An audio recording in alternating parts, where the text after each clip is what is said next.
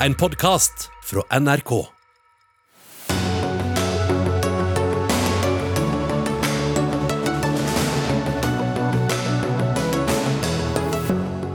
Norske sykehus overmedisinerer fødende kvinner, og det må de slutte med, sier en jordmor som tar et oppgjør med norsk helsepolitikk.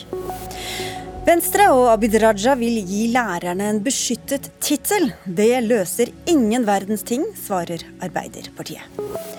Presset øker mot Liz Truss. Kommer hun fortsatt til å være britisk statsminister når uka er omme?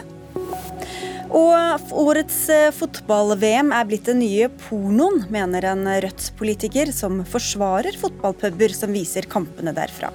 Boikott er viktig og riktig, også for norske puber, svarer en Josimar-journalist. Og dette er noen av sakene i kveldens Dagsnytt 18, i dag ved Sigrid Solund.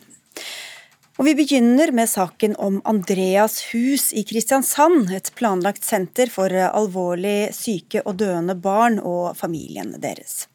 Der er millioner av kroner brukt på designmøbler, markedsføring og sponsing. Helsedirektoratet skal granske saken etter at NRK avslørte hva en del av de 90 øremerkede millionene fra direktoratet er blitt brukt til de siste årene. I dag var dette et av mange tema under en budsjetthøring i Stortinget. Da var du Cecilie Myrseth, du sitter i helse- og omsorgskomiteen for Arbeiderpartiet. Hva kom fram under høringen i dag om denne saken? Nei, I dag var det jo en eh, ordinær høring om eh, statsbudsjettet, så de var en av de mange eh, som var på besøk hos oss og ga innspill.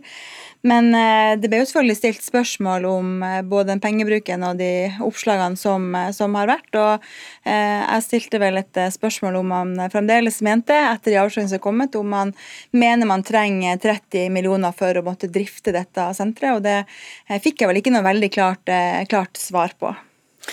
Natasha Pedersen som står bak dette huset, hadde ikke mulighet til å være med hos oss eh, i kveld, men hun har jo både forklart og forsvart eh, denne pengebruken. Tone Wilhelmsen Trøen fra Høyre, du leder den samme komiteen og var også til stede i dag.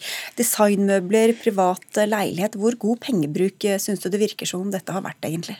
Nei, jeg forstår veldig godt at, eh, at noen reagerer på, på, det. Jeg stussa også sjøl. Eh, vi er opptatt av i Høyre at skattebetalernes penger skal brukes med omhu.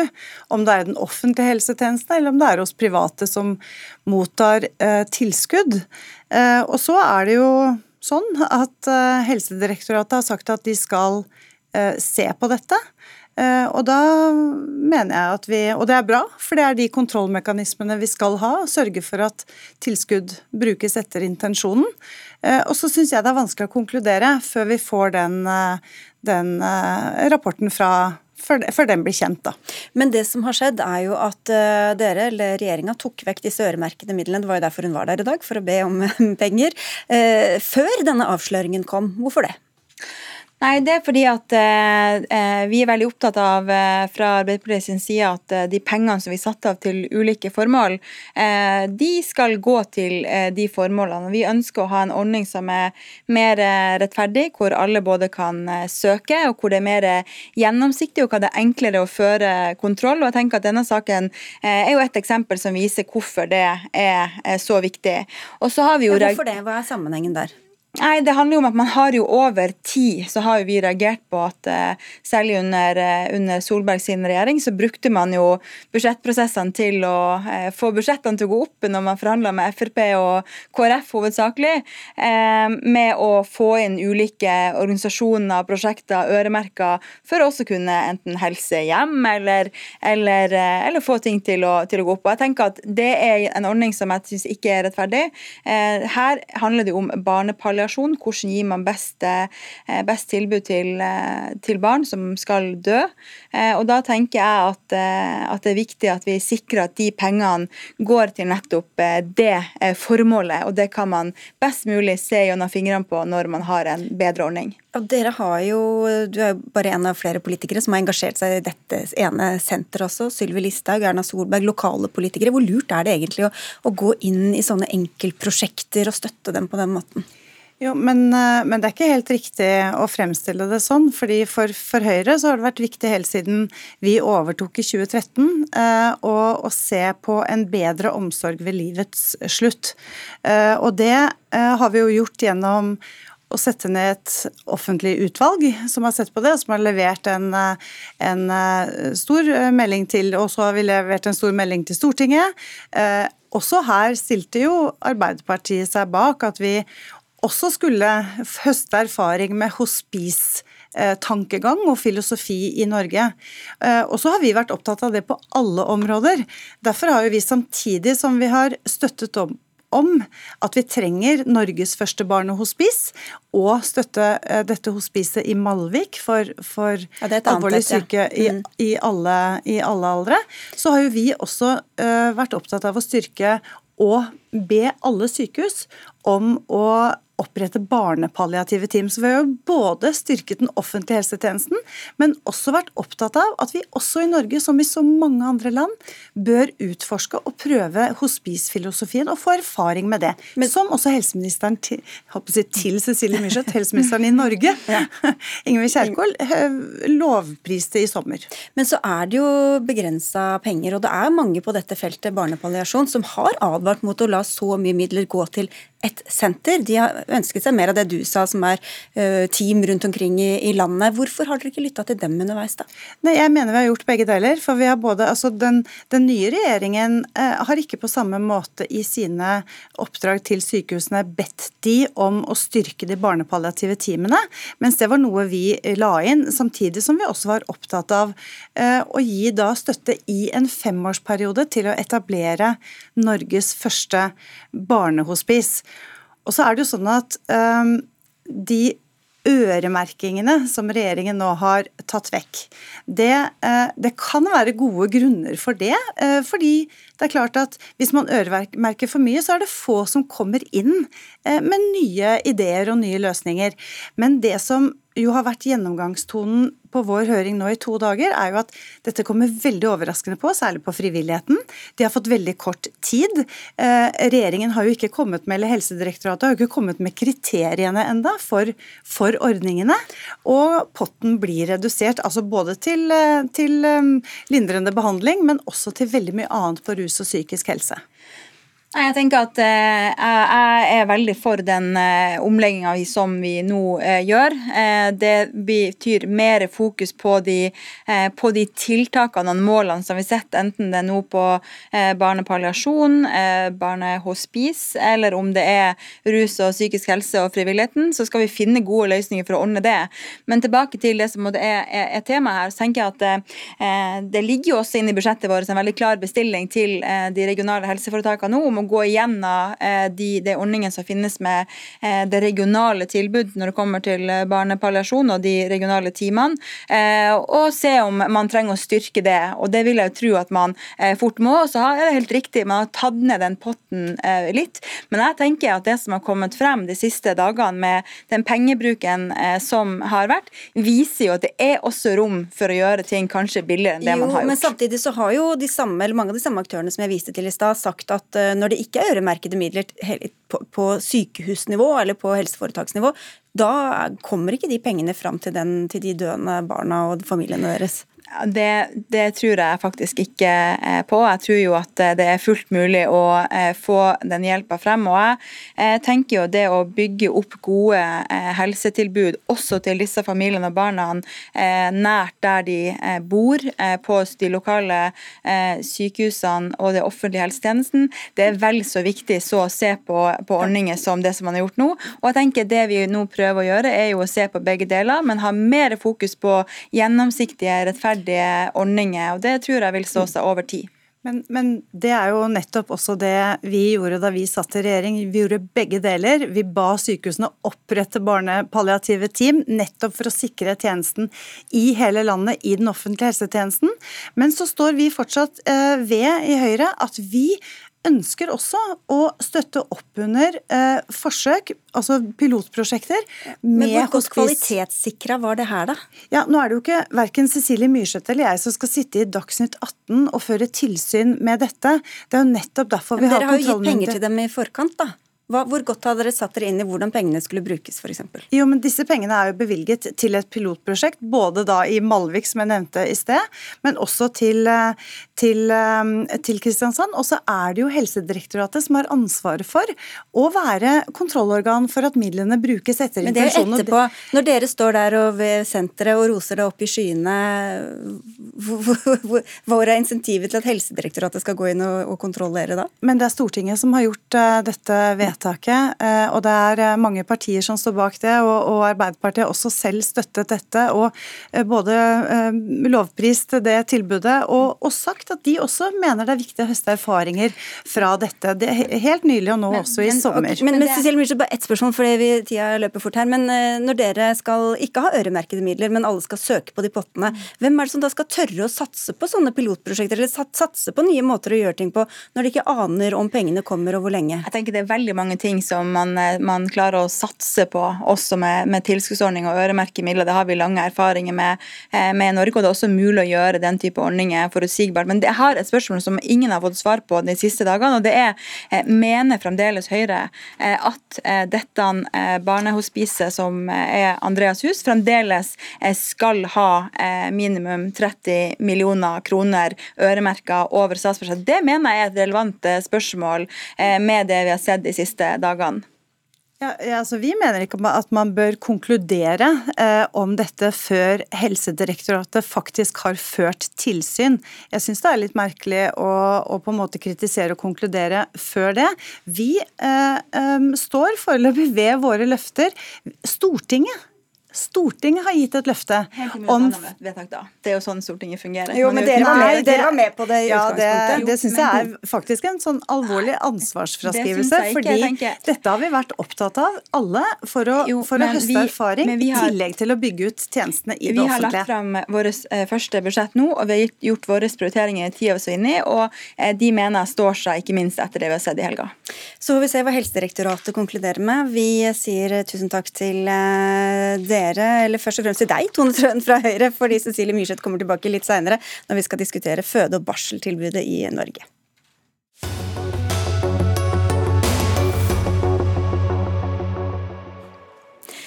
En lærer er ikke nødvendigvis en lærer, eller bør i hvert fall ikke kunne kalle seg det, mener ledelsen i Venstre. Denne uka vil partiet fremme et forslag i Stortinget om at læreryrket skal være en beskyttet tittel. Det skriver VG. I dag kreves det ingen formell utdanning for å kalle seg lærer. Abid Raja fra Venstre, du sitter i utdannings- og forskningskomiteen på Stortinget. Hva løser det egentlig å gjøre tittelen lærer beskyttet?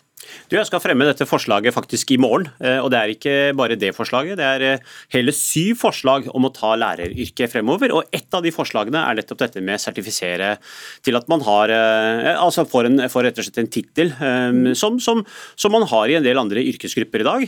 Hvem som helst for eksempel, kan ikke kalle seg lege eller advokat for den saks skyld.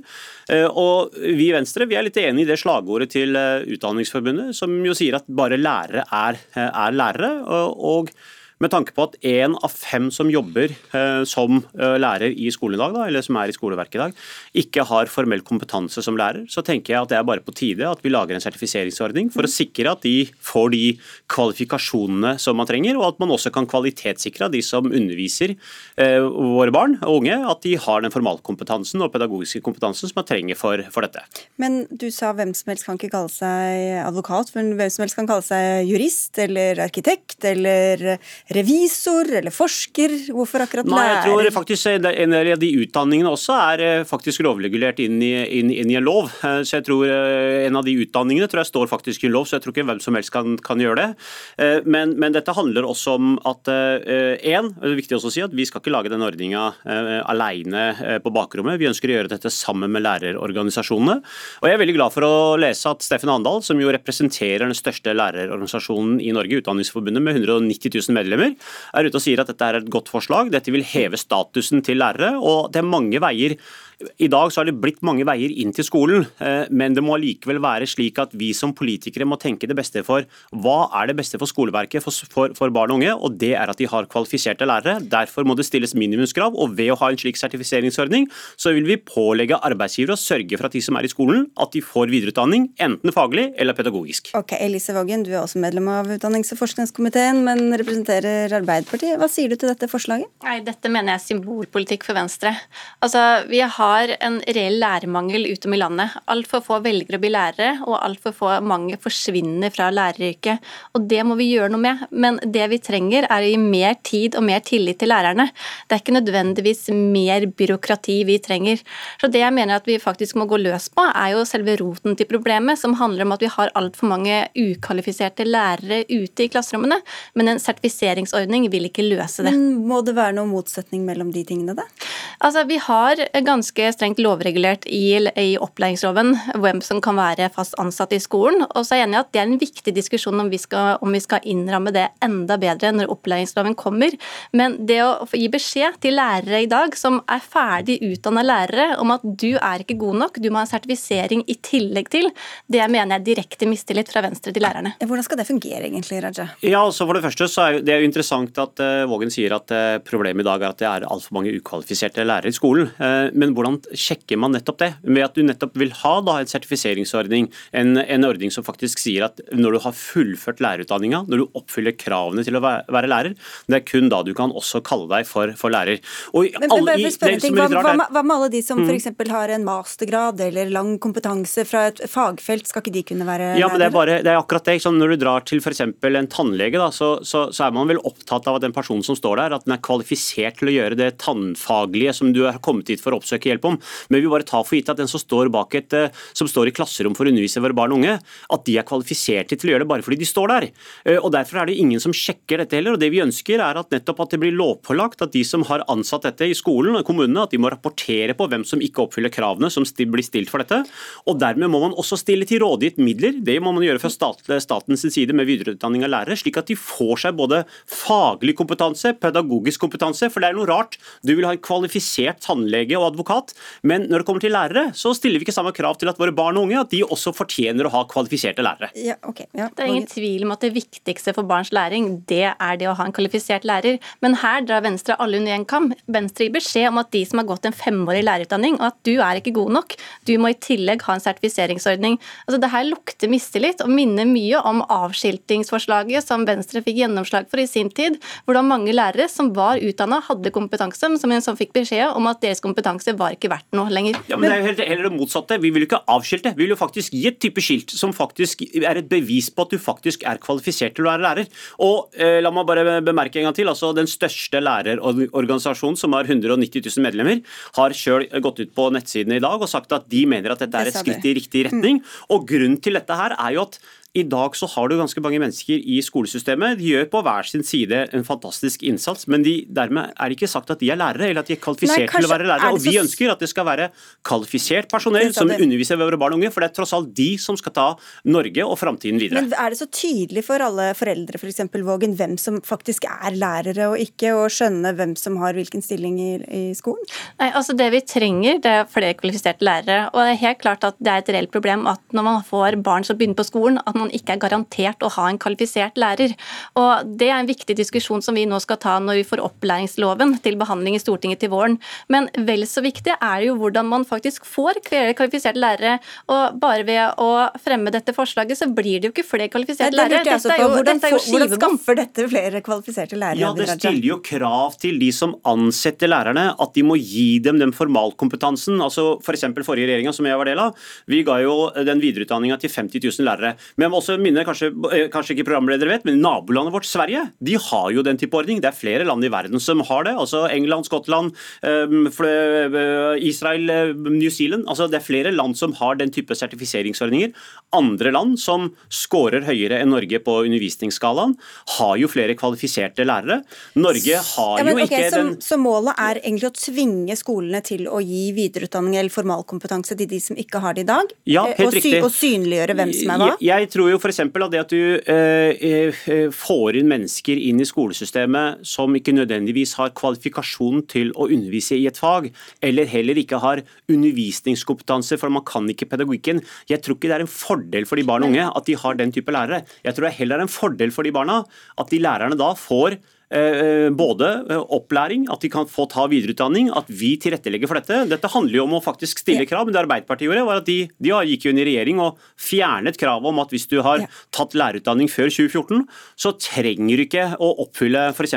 krav til 60 studiepoeng. Mhm. Jeg mener det er en skritt i retning for det vi ønsker, og er å ha kvalitet i skolen. Det og det er bare lærere som kan være lærere. Hvem som helst kan ikke være lærer. Nei, men altså, Her skriver Venstre ut helt feil medisin. Når vi vet at det ikke er mange nok som søker på lærerutdanninga, vi har for få, så blir det ikke flere lærere bare for at du sier at vi må ha en mer byråkratisk ordning. Det vi må gjøre noe med, er jo å sørge for at det blir mer attraktivt å være lærer. Vi må sørge for at det er flere ungdommer som velger lærerutdanninga, og vi må sørge for at de forblir i stillingen. En ny sertifiseringsordning som vi pålegger de som allerede er utdanna lærer, vil ikke gjøre noe med Men det. trenger det å være så byråkratisk da? Man kan jo f.eks. si at hvis du har gått lærerutdanning, så blir du automatisk sertifisert. Ja, klart, Det kan man gjøre, da, men trenger man det? Spørsmålet er om det gjør at du får Jo, flere man- lærere. Man kan, Venstre burde heller bruke tid og energi på at det er flere som burde bli lærere, og sørge for at man ønsker å stå i stillingen. Og I stedet for å si at man trenger en sertifisering i tillegg til all den kompetansen som ferdigutdanna lærere har fra før av. Det som er litt rart, er at Arbeiderpartiet ikke anerkjenner at når du har én av fem i skolen som ikke har kvalifikasjon til å være lærere, at det er så mange ukvalifiserte lærere i skolen, at dette går utover kvaliteten i skolen, at dette går utover barn og unge. Det er derfor vi ønsker å kvalitets kvalitetssikre lærerne, løfte kompetansen, og jeg er veldig glad for at den største lærerorganisasjonen at de har gått ut i dag og sagt at Da dette er en skritt i riktig retning. Altså, I stedet for å komme med symbolpolitikk, så gjør jo vi nå faktisk noe med det. Vi har stoppa avskilting av lærere, som dere innførte. Vi har gjort noe med I vi har- realiteten stanset videreutdanningen. Hvis jeg kan få lov til å fortsette. Vi har fjerna i rigide matte, som gjør at over 1000 flere nå kan bli lærere og har begynt på lærerutdanninga i år.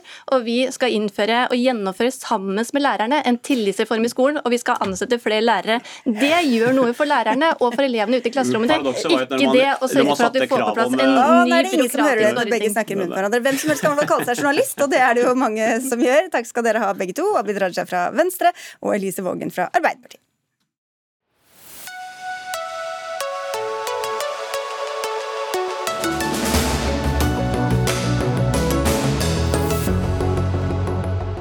Norge for unnfallende overfor Iran? Det mener i hvert fall en høyrepolitiker som kommer eh, til Dagsnytt 18 mot slutten av sendinga. Men nå. Bunadsgeriljaen, barselopprøret. Mange norske kvinner har protestert mot det de mener er en svekkelse av eh, føde- og barseltilbudet på sykehus og fødestuer i Norge. Du fører deg inn i rekken med den nye boka di 'Barselbrølet', Berit Mortensen. Du er forfatter og jordmor og lærer ved Oslo OsloMet. Ofte når vi har disse samtalene og diskusjonene, så pekes det på penger, og det pekes på sentralisering, men du retter også søkelyset mot selve systemet, nemlig helseforetaksmodellen, som jo fjerner politikerne litt fra, fra de daglige, eller fra, fra sykehusene og hva som skjer der. Hvordan påvirker det føde- og barseltilbudet negativt? Det påvirker veldig mye. Eh, Det er faktisk et stort demokratisk problem at eh, politikerne ikke har hånda på rattet og kan lage en langtidsplan for hva vi trenger av norsk fødselsomsorg. Og vi ser at gode tilbud i distriktene, som det siste nå Kristiansund, blir lagt ned. Det er de stedene kvinnene er mest fornøyd, og i Oslo er de mest fornøyd med ABC-avdelingen, og den er også trua med stadig nedleggelse. Så det her tror jeg handler om en måte å drive helsetjenestene på som, som er, Altså at sykehusene, spesialisttjenesten, drives ut fra et sånn markedsprinsipp, som om det var en butikk. Vi jordmødre jobber jo med hele spekteret svangerskapsomsorgen fødselen og barseltida, og har i mange år ønska oss å få jobb i denne kontinuiteten som det her innebærer. Vi ble jo veldig oppløfta av en stortingsmelding som kom i 2009, faktisk fra Arbeiderpartiregjeringen da, og som lova en gledelig begivenhet, en sammenhengende svangerskap, fødsel og barselomsorg. Den ble aldri innfridd. Istedenfor skal man lage nye stortingsmeldinger, og det her lurer vi på om folk har mista trua på, når man ikke klarer å faktisk innføre det i stortingsmeldingen man mm. først har lagd. Det var ingen fra Helsedepartementet som kunne komme, men du gjør et uh, hurtig comeback, Cecilie Myrseth fra Arbeiderpartiet. Hva sier du til påstanden om at feilen ligger i hele systemet? Nei, altså, Jeg skal lytte veldig til det som kommer når man skriver bok og de opprørene som er og har vært. Det skal vi lytte til når kvinner sier, sier ifra. Men først vil jeg også si da at Eh, vi har jo i Norge eh, verdens beste føde- og barseltilbud. Eh, så har vi selvfølgelig en del mangler også i, i, det. og jeg tenker Det vi må særlig må jobbe med, er jo ikke minst den oppfølginga man skal få etterpå. Det er veldig mange kvinner som, eh, som, har eh, utfordringer etter man har eh, fått barn i barseltida. Det må man ta på, ta på høyeste alvor. Og Regjeringa har jo også varsla nå at det kommer en gjennomgang av de tingene som, som blir sagt. Så, så husker ikke jeg helt hva som skjedde i 2009, for da var jeg ikke med her. Eh, men jeg tenker at eh, det største utfordringa vi har i helsevesenet nå, det er jo mangel på helsepersonell. Og det gjelder jo også i føde- og barselomsorgen. Og da vil jo kanskje Jordmorforeningen og Sykepleierforeningen si at det, disse tingene henger sammen? At eh, underbemanning også gjør at folk. Ikke vil jobbe der. Du sa markedstankegang, Mortensen. Hvordan slår det ut på en fødeavdeling f.eks. når en fødsel tar litt tid, eller? Altså, I sykehussystemet nå som har en stor del innsatsstyrt finansiering, som det kalles, så er jo omsorg, omsorgen har ingen verdi. Den er ikke satt prislapp på. Omsorg betyr ingenting, og vi jordmødre skal jo forebygge komplikasjoner. Vi er jo den som skal være kvinnens advokat inn i systemet og prøve å avdekke om hun har noen behov som vi skal hjelpe å få dekka, og prøve å forebygge at dette blir et problem. Men det her er ikke satt pris på. Så, så dermed så er det jo nå et sånt voldsomt kjør på effektivitet, der vi løper fortere og fortere og fortere, og nå klarer de ikke å løpe fortere. Det er krise på Ullevål. Hadde man satt samme personellkriterium på Ullevål som man gjør på, på, i Kristiansund, så hadde man jo måttet lagt ned Ullevål. Så det er jo, det er jo faktisk kjempestore kriser som, som er begrunna i nettopp da at man og, ikke Og da sier du også at det f.eks.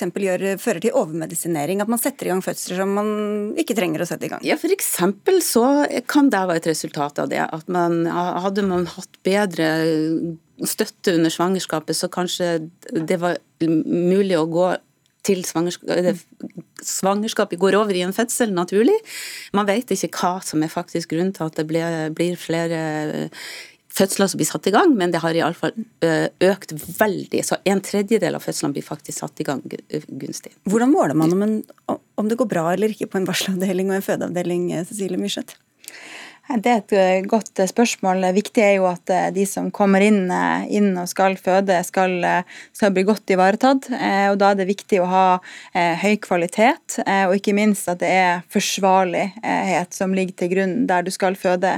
Og så vet vi jo at det er jo mange fødsler som går over fra å være, være helt fint til å plutselig bli mer akutt og måtte ha behov for mer hjelp. Og Det er også viktig at ting, ting henger, henger sammen, og det skal vi på en måte også jobbe med videre. Men jeg vil tilbake til det med, med personell. fordi at eh, vi i hele helsetjenesten vår nå, så er det et av de virkelig store problemene. og Derfor har man jo satt i gang arbeid med en helsepersonellkommisjon som nå kommer, eh, kommer like etter, etter, jul, som ser på helheten i det. Og så Når det kommer til finansiering av tjenesten, så er man jo også er jo, er jo på langt vei enige om at det må man ikke bare se på. Det første vi gjorde når vi tok over i fjor, var jo å gå over for mer grunnfinansiering til sykehusene, som jo er med på å styrke denne type tjenester. Og man tar jo også ned eh, innsatsstyrt finansiering i eh, dette budsjettet, så det lytter vi jo til. Og har så du er enig i at det er blitt for markedstankegang også når det gjelder dette feltet, eller? Ja, det er jeg enig i. i hvert fall At man har eh, hatt altfor høyt fokus på akkurat det man skal springe fort, eh, i stedet for at en del tjenester i sykehusene som vi skal gi til pasientene, de krever mer tid. Eh, de krever at det, koster mer. Og det må også sykehusene eh, altså, Det må vi ta inn over oss som politikere, og det mener vi også gjør i de budsjettene som vi legger frem. Og så når det kommer til foretaksmodellen, som jo ofte er oppe når vi snakker om det her, så har vi jo også satt i gang arbeid der for å se på nettopp hvordan kan man få en mer, mer innflytelse lokalt, regionalt, eh, hvor man sitter, sitter, nært, sitter nært på. Så jeg føler at vi er i gang med mye, men det også gjenstår en del ting. da. Det ser ut som det er veldig stor mangel på handlekraftige politikere som faktisk får gjennomført sine visjoner i praksis, og det er jo det som er et problem. F.eks. på Ullevål nå så er det kritisk mangel, og samtidig har de fått beskjed om at de ikke kan leie inn eh, vikarer fra vikarbyråer. Eh, og det går jo virkelig på sikkerheten løs. Sånn at det, det må jo gjøres noe. Det, Men hvorfor, hvorfor, tror du at det hadde gått så mye bedre hvis politikerne hadde så mye mer styring over ja, dette? Altså, da, måtte man ta ansvar for de helsetjenestene. Nå er det på en måte overlatt til eh, eh, styrene i sykehusene til å drive det her økonomisk forsvarlig, først og fremst. Dessverre. Og så er det jo da overlatt altså man, I et politisk system så, så, så må, kan man legge f.eks. sånn som i Skottland, så legger de en femårsplan for hvordan de skal innføre eh, noe som ligner på den stortingsmeldinga som kom i 2009. Det kan ikke gjøres nå, fordi det er de her eh, foretakene skal styre så eh, egen, egenhendig på egen hånd. Det er bare helseministeren som kan komme og liksom eh, eh ta bort ja, noen. Og det tar seg ikke helt ut heller, hvis helseministeren er for ivrig der. Jeg er ikke helt enig i alle de premissene som legger seg. fordi at det er jo, Vi legger jo en del føringer fra Stortingets side også på både prioriteringer og man har prioriteringsmelding, man kommer nå en helse- og syke, eller, og samhandlingsplan som kommer til, eh, til behandling nå. og Man kan si at det ikke er handlekraft, men det er jo sånn man gjør det. Politisk så legger man, legger man føringen til grunn. Man prioriterer i de ulike statsbudsjettene, og der pengene, pengene, kommer. Og Der har vi også sett på hvordan, hvordan, man har finans, hvordan finansieringa er. Eh, og vi legger jo inn penger til, okay. til sykehusene. Så jeg tenker at Mye politikk, men til syvende og sist må det også være forsvarlighet og fag eh, inne i bildet. Så det er en kombinasjon som må til. Veldig kort til slutt der, vi, vi har et altfor fragmentert helsevesen. Vi glemmer å se helheten mellom primærhelsetjenesten i kommunene og eh, sykehusene. Og det er helt umulig med den, den foretaksmodellen som har skapt en vollgrav mellom sykehustjenesten og kommunehelsetjenesten. Umulig Derfor å samarbeide. Og det, nei, da kom samhandlingsreformen, og den gjorde det verre. Den satte kommunene i milliardgjeld fordi at man bare, det eneste insentivet var penger og straffebøter til kommunene som ikke innfridde. Det var, sammen, det var en modell, nå kommer det en plan. Nei, det handler om å samhandle bedre mellom det som skjer i kommunene og på sykehusene. og Der har, det, har man ikke fulgt opp den formen godt nok. Det er jeg helt enig i. Nå sukkes det tungt, tungt rundt bordet her. Takk skal du ha, Berit Mortensen, eh, forfatter av boka 'Barselbrølet', og to ganger Cecilie Myrseth fra Arbeiderpartiet.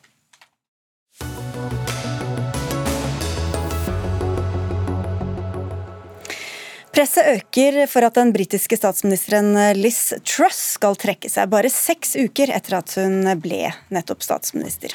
I går kveld sa hun unnskyld til eh, det britiske folk for det økonomiske kaoset som landet er kastet inn i.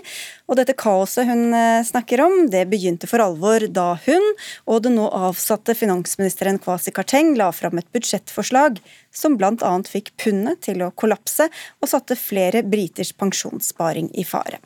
Siden har hun vært nødt til, å, nødt til å reversere hele forslaget, og nå krever flere at hun går av. Gry Blekastad Almås, du er vår korrespondent i Storbritannia. Hva skriver britiske medier nå om hvilken framtid Truss går i møte? De tegner jo helt eh, åpenbart et bilde av en statsminister som eh, på ingen måte sitter trygt i eh, den stolen. Det er skriverier om hvordan parlamentarikere diskuterer hvordan de kan få endret reglene slik at de kan få avsatt henne fortest mulig. Det diskuteres høylytt hvem som eventuelt kan overta etter henne. Det kommer åpen, altså krav offentlig fra hennes egne parlamentarikere om at hun må gå av. Og avisene skriver også om den ferskeste meningsmålingen nå blant de konservative medlemmene, som eh, altså valgte Truss til å bli statsminister for bare seks uker siden. De angrer tydeligvis nå. 80% av dem mener at hun gjør en dårlig jobb, og 55 eh, mener at hun skal gå av. Så fremtiden ser ikke veldig lys ut akkurat nå for Liz Truss. Hva sier hun selv om all denne kritikken og mistilliten? Nei, nå gikk hun jo da eh, endelig, vil mange si, ut i går kveld og beklaget de feilene hun har gjort, eh, og sa at de har gått eh, for fort fram og, og for langt med de skattekuttene som de da har måttet gå tilbake på. Så Det er vel egentlig det hun har sagt, i tillegg til at hun også sier at hun vil sitte som statsminister fram til neste valg, og neste valg skal være etter planen i hvert fall om to år her i Storbritannia. Så hun gir i hvert fall inntrykk av å ha tro på at hun kan Eh, beholde denne rollen fram til da. Ingrid Kistad, kommentator i VG, du følger eh, godt eh, med. Hva er sannsynligheten for at hun blir sittende i to år, enn si mot slutten av måneden? Svært lite sannsynlig. Hvorfor det? Nei, altså Når de har begynt å røre på seg nå i det konservative partiet på en måte som det gis uttrykk for, og som Gry også nevnte fra London, så er det en Newgov-måling i dag som er veldig si, drepende for hennes fremtid. Jeg tror også at det er bevegelse innad i partiet, den såkalte 1922-komiteen, som er den som avgjør om du får et langt eller kort politisk liv i, i Torre-partiet. Eh, der har man eh, ganske god tradisjon for at når situasjonen begynner å bli sånn som nå, så kommer det menn i grå dresser, som Margaret Thatcher i sin tid sa, og gir beskjed om at eh, enten så velger du å trekke deg frivillig, eller så endrer vi på regelverket, og da blir ydmykelsen total. Så jeg tror at hun går før valget, men jeg vet ikke når. Vi har en mann i blå dress her. Jan Arild Snoen, du er forfatter og skribent i Aftenposten og Minerva. Hva var det hun gjorde, hva var det ved politikken som gjorde at det ble kjørt så i grøfta? Hun har gjort to ting eh, samtidig. Eh, øke de offentlige utgiftene kraftig gjennom denne energistøttepakken, og kutte eh, skattene betydelig. Og Det er det som finansmarkedet har reagert på, altså den kombinasjonen som gjør at du må låne mer penger. og Eh, og den britiske statsgjelden, som ikke var så veldig høy for noen år siden, har økt ganske mye under covid. Eh, så Derfor fikk du denne markedsreaksjonen. og Det er det som har slått ut her. Og Så er hun ikke den store kommunikatoren heller, men, men dette er jo det hun gikk til valg på, som for å bli partileder og statsminister. Så det, har da, det vil ikke finansmarkedene ha. Så det er de som bestemmer, da? Det er fordi dette er altså det er jo en reaksjon der fordi dette er en økonomisk politikk som ikke går sammen. Altså det, det, henger ikke sammen. Det blir for mye å love på begge sider. Eh, og Derfor så, så, reagerer de på den måten. Men som du sier, det var jo det hun sa hun skulle gjøre. Så, så, så da har jo mange i det konservative partiet tatt like feil som henne? da? Ja, fordi det er, altså, men det er jo veldig lettvint å, å, gå inn for alt som er snilt. Altså både, både støtte og lavere skatter. Og dette ser vi jo i andre land også. bare at her ble dette, Det ble ekstra forsterket. Pluss at de er, altså, de er i trøbbel i utgangspunktet. Eh, britisk økonomi sliter. De ble hardere rammet av covid enn de fleste. Eh, så det var det ble dårlig timing også, men først og fremst doseringen og denne manglende balansen. Er det en, eh, en, si, en innsikt eller en innrømmelse som, som, de som heiet henne fram, deler, Gry Blekastad Almås?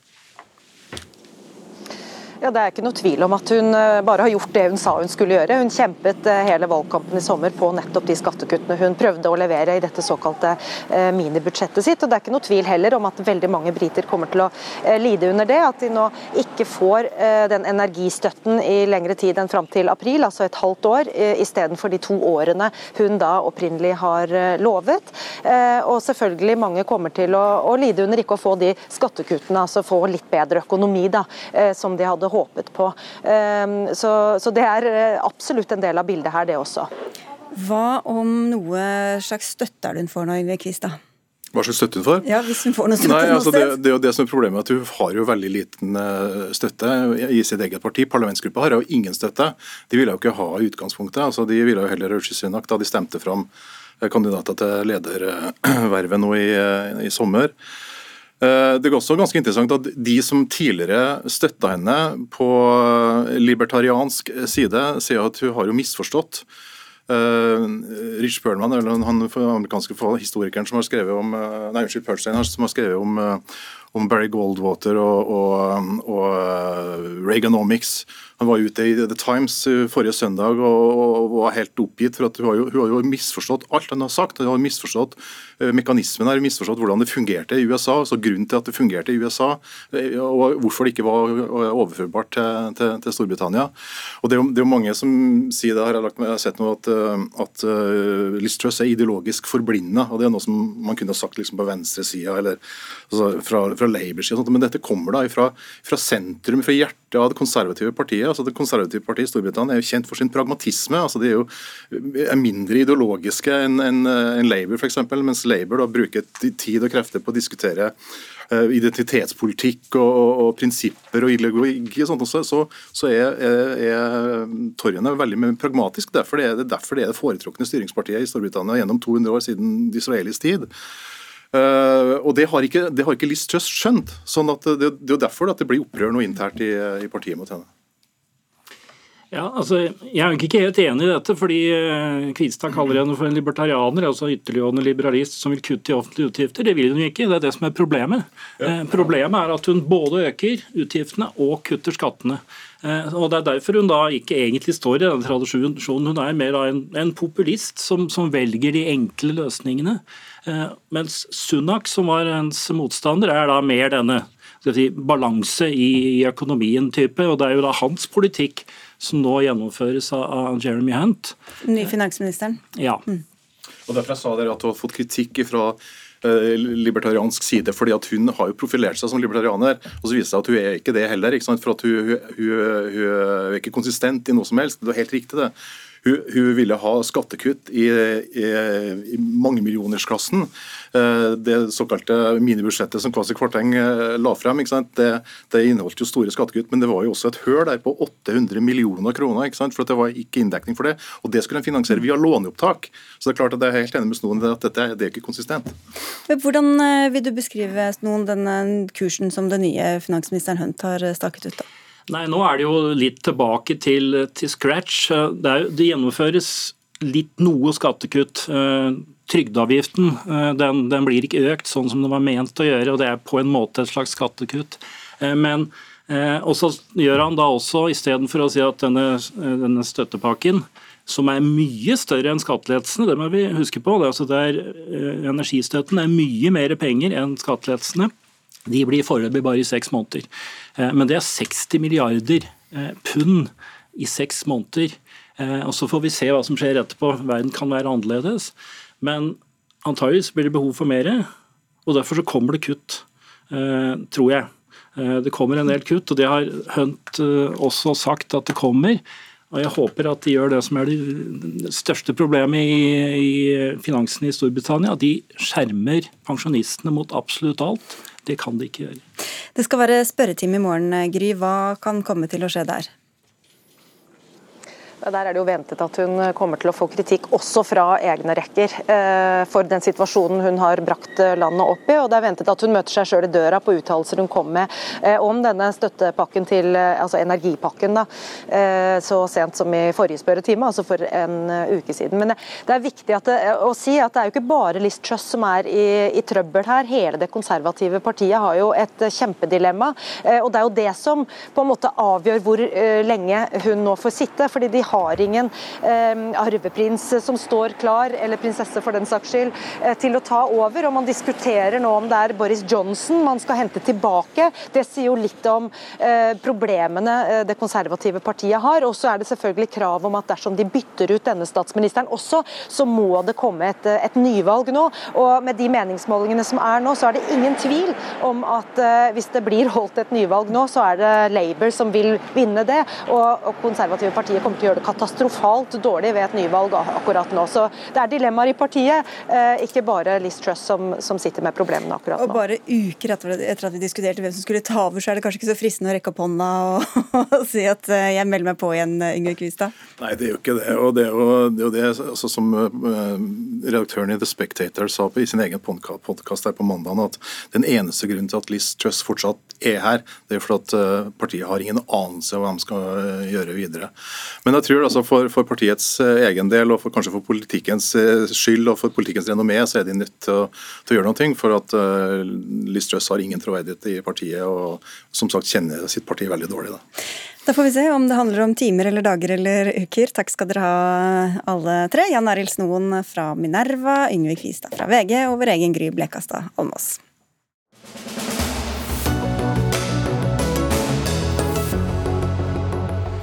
Flere fotballpuber vil eh, boikotte fotball-VM i Qatar, som sparkes i gang om litt over en måned. Det er særlig migrantarbeidernes arbeidsforhold og menneskerettighetsbrudd som ligger til grunn. Andre planlegger å sende kampene, og du tar disse pubene i, fors i forsvar i et debattinnlegg i adressa.no, Roald Arntz. Du er gruppeleder for Rødt i Trondheim bystyre. Hvorfor forsvarer du dem som velger å ikke boikotte? Ja, må jeg først si at Det gjør jeg på egne vegne, og ikke på vegne av Rødts bystyregruppe. for der er meningene delte. Du er her bare som Roald i dag, da? Jeg er mest som Roald i dag, ja. Men uh, Det stemmer at jeg er gruppeleder for Rødt. Men uh, grunnen til at jeg skrev det innlegget, det var jo at uh, den stampuben min, hvor jeg foretrekker å gå og se fotball, De har bestemt seg for å vise kampene. og så, så tenkte jeg meg litt, og så tenkte jeg at Det er jo et helt legitimt standpunkt. og, og Det de sier er jo at de lever av å vise fotball. og Det er liksom ikke noe poeng for dem å ha åpent hvis de ikke viser det som publikummet deres etterspør. Og, og, og Da spurte jeg meg sjøl hvem er det som blir ramma hvis den puben velger å ikke velger å vise snooker under fotball-VM f.eks. Det er jo ikke sjeikene i Doha eller pampene i Zürich som kommer til å merke det på pungen, det er jo de ansatte på puben. Og Det kommer jo ikke til å ramme meg i vesentlig grad heller, for at kampene blir jo sendt på allmennkringkastere. Jeg kan jo gå hjem og se dem på min egen TV. Nils Henrik, så, så, ja, skal, Du skal få ordet igjen. Nils Henrik Smith, du er journalist i fotballtidsskrift Josimar og har sagt i årevis at du ikke kommer til å se på dette VM-et. Men hvorfor skal en pub i Trondheim eller Bergen la være å sende pga. hva Qatar har gjort? Fordi at eh, vi har den muligheten vi har til å ta et uh, prinsipielt og moralsk standpunkt i Norge, og det kan ha en effekt også ute i verden. Uh, det fikk veldig mye oppmerksomhet når norske fotballsupportere i et rent grasrotinitiativ tok til orde for at NFF skulle boikotte Qatar-VM. Det nådde ikke fram, men det fikk masse oppmerksomhet globalt. Og alle sånne ting som vi kan gjøre, kan bidra til redusere risikoen for at et autoritært regime eh, blir tildelt VM ved neste korsvei. Så vil jeg si at Det handler ikke først og fremst om å boikotte puber som viser VM, men å vise støtte til de som har eh, valgt å ta et prinsipielt og moralsk valg om å ikke gjøre det, og at eh, det går an å du kan gå like mye ut og eh, legge igjen like mye penger i utelivet som du ellers ville ha gjort, men velge å støtte de som tar det valget. Men er signaleffekten fra en fotballpub så mye verdt at det er verdt eh, alle de inntektene de går glipp av? Det er jo ikke sikkert at de går glipp av så mye inntekter da, hvis folk velger å, å gå dit. Og jeg håper at uh, uteliv vil gi uh, folk som ønsker å gå ut uten å se på VM, uh, i VM-perioden mange alternativer. så er det jo ikke sikkert at det tapet blir så stort. Roland? Ja, altså, nå er det mulig at eh, Smith har både høyere moral og bedre selvdisiplin enn meg, men jeg er veldig veldig fotballinteressert. og Selv om jeg er enig i mye av kritikken, eller egentlig all kritikken som har kommet mot tildeling av VM til Qatar, og jeg syns Josimar og Smith har gjort en formidabel jobb med å avdekke problemene, så kommer jeg likevel til å interessere meg for hva som foregår på banen i fotball-VM. Jeg klarer rett og slett ikke å la være å interessere meg for det, og da tenker jeg at jeg like gjerne kan gjøre det på puben som hjemme hos meg sjøl. Altså, jeg, jeg, anser ikke fjernkontrollen til TV-en som en sånn viktig instrument for samfunnsendring. Men du altså, sier at årets fjern... fotball-VM er blitt den nye pornoen, det må du utdype? Ja, altså det, det, er en metafor med, med to nivå. Altså, noe av kritikken mot fotball-VM går jo på utbytting av mennesker og dårlige arbeidsforhold. og Det er jo en kjent sak at porno er jo prega av både øh, slaverielignende tilstander og grov utnyttelse av mennesker. Men så tenker jeg også at porno er det største fenomenet på internett. Og Det må jo være noen som ser på, selv om det er nesten ingen i offentligheten som snakker om det. Og Nå føler jeg liksom at, at det å ta avstand til Qatar-VM har blitt en sånn avstand, altså blitt en sånn moralsk konkurranse om å ta mest mulig avstand. Men jeg tror faktisk ikke jeg er alene om å interessere meg for hvordan det går i fotball-VM. Jeg har sett niglodd på alle fotball-VM siden 1982, og jeg kommer til å interessere meg for kampene uansett hvordan de går hen, selv om de selvfølgelig aldri burde vært spilt i november og aldri burde vært spilt i Qatar. Smith. Ja, eh, jeg er også temmelig interessert i fotball. Det er jo derfor jeg har valgt å eh, jobbe med det, bl.a. Men jeg tror likevel at eh, Arns undervurderer effekten av at folk ikke ser på. Det språket Fifa forstår, er penger. Og når deres sponsorer, og ikke minst TV-selskapene som viser dette, hvis de legger merke til at færre mennesker ser på VM i Qatar enn det som har vært tilfellet i tidligere eh, sluttspill, så vil det ha en helt reell effekt på hvor mye de er til, villige til å tilby ved neste korsvei. Så da er det heller ikke bedre å gå hjem og se det i stua? Nei, eh, der har vi jo litt ulikt syn. Jeg, jeg annet Arnt later til å frykte at, at mange som eh, ser, ikke, sier at de ikke vil se på det på en pub, kommer til å se på hjemme likevel. Jeg tror i større grad på at eh, mennesker som sier at de akter boikott og sluttspillet i Qatar, faktisk kommer til å la være å se på. Så jeg kjøper ikke helt denne pornometaforen.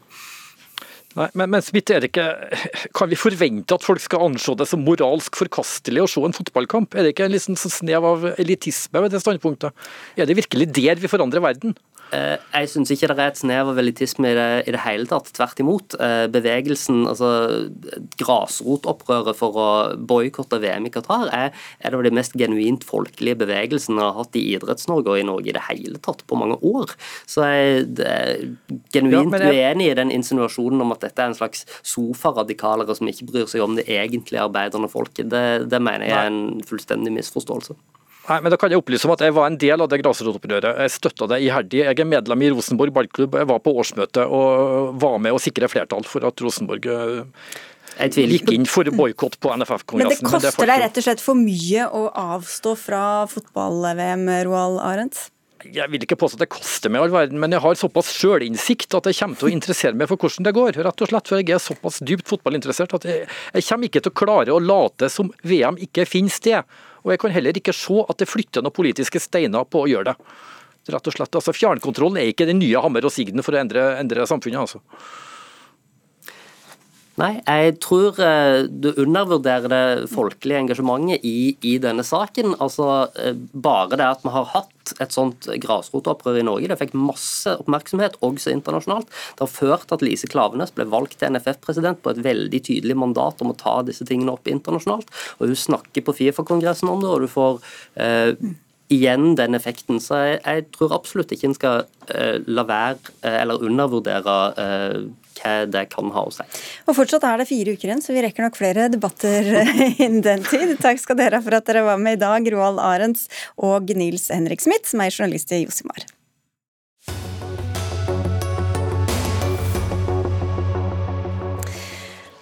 Og så til slutt spør vi er den norske regjeringa for mild overfor Iran. I går innførte EU sanksjoner mot 15 iranske personer og organisasjoner etter den brutale volden som er brukt mot demonstranter i landet den siste tida. Minst 215 demonstranter skal være drept under denne protestbølgen. Statsminister Jonas Gahr Støre sa at Norge slutter seg til sanksjonene, men dette er altfor lite, altfor seint. Skal vi tro deg, Mahmoud Farahman, du sitter på Stortinget for Høyre. Hva hva er det du har savnet? Eh, det, jeg hadde savnet litt mer besluttsomhet til å starte med. Og så forstår jeg at det er vanskelig å fatte sanksjoner alene. Eh, og jeg må si at det er bra at man kommer etter. Men det har tatt sin tid. Og så må jeg si at noe av ordbruken og retorikken underveis har vært veldig underlig. Eh, og det er dette greiene med å forstå alvoret i det som skjer i Iran, eh, og forstå sammenhengene. Jeg kan ta flere eksempler. Altså Man hadde denne viseutenriksministeren på besøk i juni måned, samtidig som det pågikk en rettssak mot en person som ble dømt til livstid og massedrap i Sverige eh, for det iranske regimet osv. Så, videre. så det er en del sånn tafatthet, opplever jeg. Samtidig som jeg sier det er bra at man kommer etter med sanksjonene. Asmund Aukrust, du sitter på Stortinget og i utenriks- og forsvarskomiteen for eh, Arbeiderpartiet og stepper inn for eh, utenriksministeren, som er på, på, reise. Hvorfor har ikke Norge vært enda tydeligere og enda tidligere? Det kjenner jeg meg ikke igjen i det hele tatt. Utenriksministeren vår tok opp dette direkte med Irans utenriksminister eh, allerede få, få, dager etter drapet i Teheran. Vi har tatt det opp i en rekke sammenhenger, både direkte med Iran og i alle typer internasjonale fora hvor det har vært naturlig. Så har vi nå tilsluttet oss alle sanksjonene som EU har. Eh, og Det blir sagt at vi kommer sent. Eh, sanksjonsloven som Høyre foreslo når de satt i regjering, sier at dette skal vi gjøre sammen med andre land. Så vi har gjort det på nøyaktig samme måte som Høyre ville gjort hvis de var i regjering. Det er til og med sånn at Den sanksjonsloven som Ine Eriksen Søreide la fram, den sier at vi kan ikke ha egne sanksjoner fra norsk side. Skulle vi hatt det, måtte vi lagt fram en egen lov. Så jeg syns kritikken her blir veldig, veldig hul. Eh, dette her, vi, dette her, tror jeg vi stort sett er helt enige om hva vi syns om regimet i Iran og støtten til de som er ute og demonstrerer. Altså, vi er ikke uenige i hva vi syns om regimet i Iran, så kan vi sikkert bruke, snakke litt om ordbruken. Men når utenriksministeren ble spurt her tidligere eh, om hvorfor hun hadde ikke, uttalt, ikke hadde uttalt seg om f.eks. situasjonen i Iran, det var et direkte spørsmål fra Nettavisen sa jeg har ikke blitt spurt om det ennå. Så det viser at man er ikke, altså man er for reaktiv, mener jeg. Eh, og det er ikke bare noe jeg mener det er flere som, eh, som, som, som oppfatter det som at regjeringa er for reaktiv. og det er denne, denne, denne dette uttrykket om at man skal følge nøye med. Men når man følger nøye med, så forventes jo at man agerer. Men da mener det, Hvis jeg bare skal skjønne hva du mener, så er det ikke sanksjon? Du mener ikke at regjeringen kunne gjort noe annerledes? Bare at de burde sagt noe annet? Nei, eller altså, sagt man noe litt før? Også, altså, det det fins måter å gjøre ting på, samtidig som jeg sier det, det er ingen tvil om at, at uh, Iran er et utfordring. Uh, I august så satte man seg ned og starta f.eks. på denne skatteavtalen med Iran. Det er en, en annen del av dette her. Vent litt. Eh, og, den er lagt på is? Det, det, det, det, er lagt på is nå, men det var etter press fra netta, altså Dagbladet-journalisten som satte i gang prosessen for å få den på, på, sett, satt den på is. Og Det er denne reaktiviteten som, som er litt av utfordringa her. Respekt å melde, dette er ikke riktig. Du sa den ble satt i gang i august. Den ble satt i gang av Siv Jensen under ja, Erna Solberg. Nå må jeg fullføre. Ja, ja. Eh, denne avtalen er stort sett forhandla fram av Siv Jensen og Jan Tore Sanner. Så er nå saken satt helt i bero pga. situasjonen i Iran. Det skjedde i slutten av september, hvor opptøyene i Iran starta. Så her, jeg føler at her blir det sånn kritikk for kritikkens skyld. Og det jeg mener at den, den, situasjonen vi er i nå, er egentlig altfor alvorlig for det. Utenriksministeren har brukt veldig sterke ord. og Det har blitt lagt veldig nøye merke til i Iran hva Norge har gjort. Norge var faktisk det første landet, sammen med Storbritannia, som ble kalt inn på teppet fordi vi hadde så sterke uttalelser. Men, men jeg bare prøver å skjønne en gang til, Farman, for da er det, fordi Vi nevnte jo disse sanksjonene, men det mener du at der er du ikke misfornøyd? Nei, altså det som, det som, var Poenget med sanksjonene var at man ikke hadde noen klar posisjon til det. Det ble det replikk, ja, jo, det var replikkordskifte i, i, TV 2, i, TV 2, på nett der det kom det fram at man hadde tenkt å til slutt slutte seg til sanksjoner Nei. når EU hadde vedtatt det der for noen uker siden. Hva angår denne avtalen, så er det jo en e-postutveksling mellom departementet eh, og, og, eh, og iranske ambassaden. Forespørselen fra iranske ambassaden om å få på plass møter for å begynne reforhandlingene igjen, kommer i juni. Så holder man på den prosessen helt fram til nylig, samtidig som Iran har solgt våpen til, til Russland i krigen mot Ukraina. Så de burde stanset uh, forhandlingene om en uh, skatteavtale det, det, det, med Iran tidligere? Det burde man okay, gjort tidligere på, på eget initiativ. Ja, nå har man stansa det. Eh, og det er klart at Iran har hatt en rekke ikke eh, hva skal jeg si, Menneskerettighetssituasjonen i Iran har vært veldig vanskelig i veldig mange år. Mm. Det var den også da Siv Jensen og Jan Tore Sanner mm. drev med disse forhandlingene. Men Norge har ment at det har vært riktig å ha en form for eh, dialog med dem, og så har vi jo ikke vært klare til å signere. Det har vi jo heller ikke gjort. Eh, og nå har vi satt saken helt i bero. Men jeg synes det er veldig vanskelig å høre hva Høyre egentlig kritiserer. De sier at det, sanksjonene det var egentlig riktig det vi gjorde. Dette med skatteavtalen det var riktig det vi gjorde ordbruken har egentlig vært riktig, den også. så jeg skjønner Han ikke hva som er kritikken. Han viser bl.a. til en uttalelse fra Anniken Huitfeldt hvor hun sa nettopp det, at hun hadde nei, ikke sagt noe før hun ble spurt nei, men, om det. Det stemmer jo heller ikke. Anniken Huitfeldt tok opp dette direkte med Irans utenriksminister 22.9. Men hun gikk ikke ut i mediene og fordømte det som skjedde? Hun har vært ute i media, hun, hun har vært ute i media en rekke ganger. Men, eh, hun har vært det eh, på sosiale medier, gjennom nyhetsinnslag, eh, gjennom svar til Stortinget. Vi har en stortingspresident som har vært veldig tydelig, som også er fra Arbeiderpartiet, som har vært signalisert veldig tydelig hva som har vært norske myndigheters holdning i denne saken, og det er vår klare støtte til de som er ute og demonstrerer i Iran, og vår fordømmelse av de ganske grove overgrepene som vi nå er vitne til. Kritikk for kritikken skyld? Nei, det, det er det ikke, og der tror jeg nok man, man misforstår mye her. Altså, som, hvis vi kommer tilbake til, til, en del av disse utfordringene som, som man har, altså Man viser til at stortingspresidenten har vært uttalt seg, men stortingspresidenten er ikke Norges utenriksminister. Det er en viss en vesensforskjell. Hva angår eh, disse tiltakene dere har gjennomført, så virker det Det framstår veldig klart at det er reaktivt. og Det er det som jeg reagerer på. for det, man har ikke altså, Men hvordan tenkte du skulle nei, nei, altså, du, du, viser, du, du, viser, til at uh, forholdene har vært krevende. Norge innførte de første sanksjonene i 2017-2018 mot Iran. Og Det er der det starta under forrige regjering. Man burde ha vært mye Ja, du kan godt frise av det. Det, det, det, var også på samme måte. Det var ikke ja, ja, men, egne sanksjoner, det var gjennom du, FN og EU. Ja, Men du forkludrer debatten litt ved å dra ting tilbake til da, som jeg sier, sanksjoner har vært på plass, men det er mer målrettede sanksjoner. Og Når dette med mer målrettede sanksjoner blir tatt opp, så er det det at man på sett og vis ikke har noen tanker og ideer om hvordan man skal gjennomføre det. Og så må jeg legge vent la, Ja, men, ja, vi nærmer oss slutten, så Det er ikke riktig. Du må sette deg bedre inn i sakene når du kommer med sånne ganske alvorlige påstander om at ikke vi følger opp menneskerettighetssituasjonen i Iran på en ordentlig måte. Jonas Gahr Støre var jeg tror det var én time etter at vedtaket var gjort i, i, EU i går, og sa at Norge er klare til å gjøre det. Da sa Høyre det syns vi er fint. Vi er, etterlyst, vi er enige at når EU er klare, så har vi sagt at Norge er klare. Hvorfor kan, hvorfor, kan, ikke Norge ligge Det er det pga. den loven du jo, viste til i stad? Sanksjonsloven som ble vedtatt av på forrige regjeringa, sier at hvis vi skal ha sanksjoner, og det var Arbeiderpartiet også enig i, så har de størst effekt dersom vi gjør det sammen med andre land. Men kunne man sagt at vi er klare med sanksjoner med en gang EU sier ja, Det er akkurat det vi har sagt. Ja. Akkurat det vi har sagt, og det er det vi er klare til nå. Så nå trykker vi på okay. enter-knappen med en gang EU det, gjør det, det, det, som, det som igjen virker til å være tilfellet, er at man er for reaktive, og man sitter og vurderer for lenge uten å på en måte ha konkrete tiltak å komme med. Og det som skjer nå er at En del av de entitetene som er satt på sanksjonslista, er blant annet cyberenhetene til revisjonsgarden, som for så vidt har også studenter i Norge. Så man har jo på en måte hvis man, Ok, Det blir et litt ja. nytt tema. Vi, kan, vi må nemlig avslutte. så Og begrenser i hva vi kan dra opp. er det jo egentlig bra at vi er enige i at dette, den forferdelige situasjonen i Iran. Jeg synes det er bra at det er i all hovedsak veldig stor tverrpolitisk støtte bak det regjeringa gjør. og jeg mener at den debatten her viser at vi er, vi her er vi helt på linje, og at eh, denne situasjonen er altfor alvorlig til at vi har kritikk for kritikkens skyld. Nesten i hvert fall enig. Takk skal dere ha begge to, Mahmoud Farahmad fra Høyre og Åsmund Aukrust fra Arbeiderpartiet. Gro hadde ansvaret for sendinga. Lisbeth Selreite var tekniker. Mitt navn er Sigrid Solund. Morgen er Espen Aas tilbake i denne stolen. Takk, takk.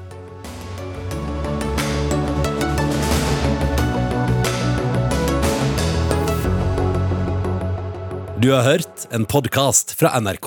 Hør flere podkaster og din favorittkanal i appen NRK Radio.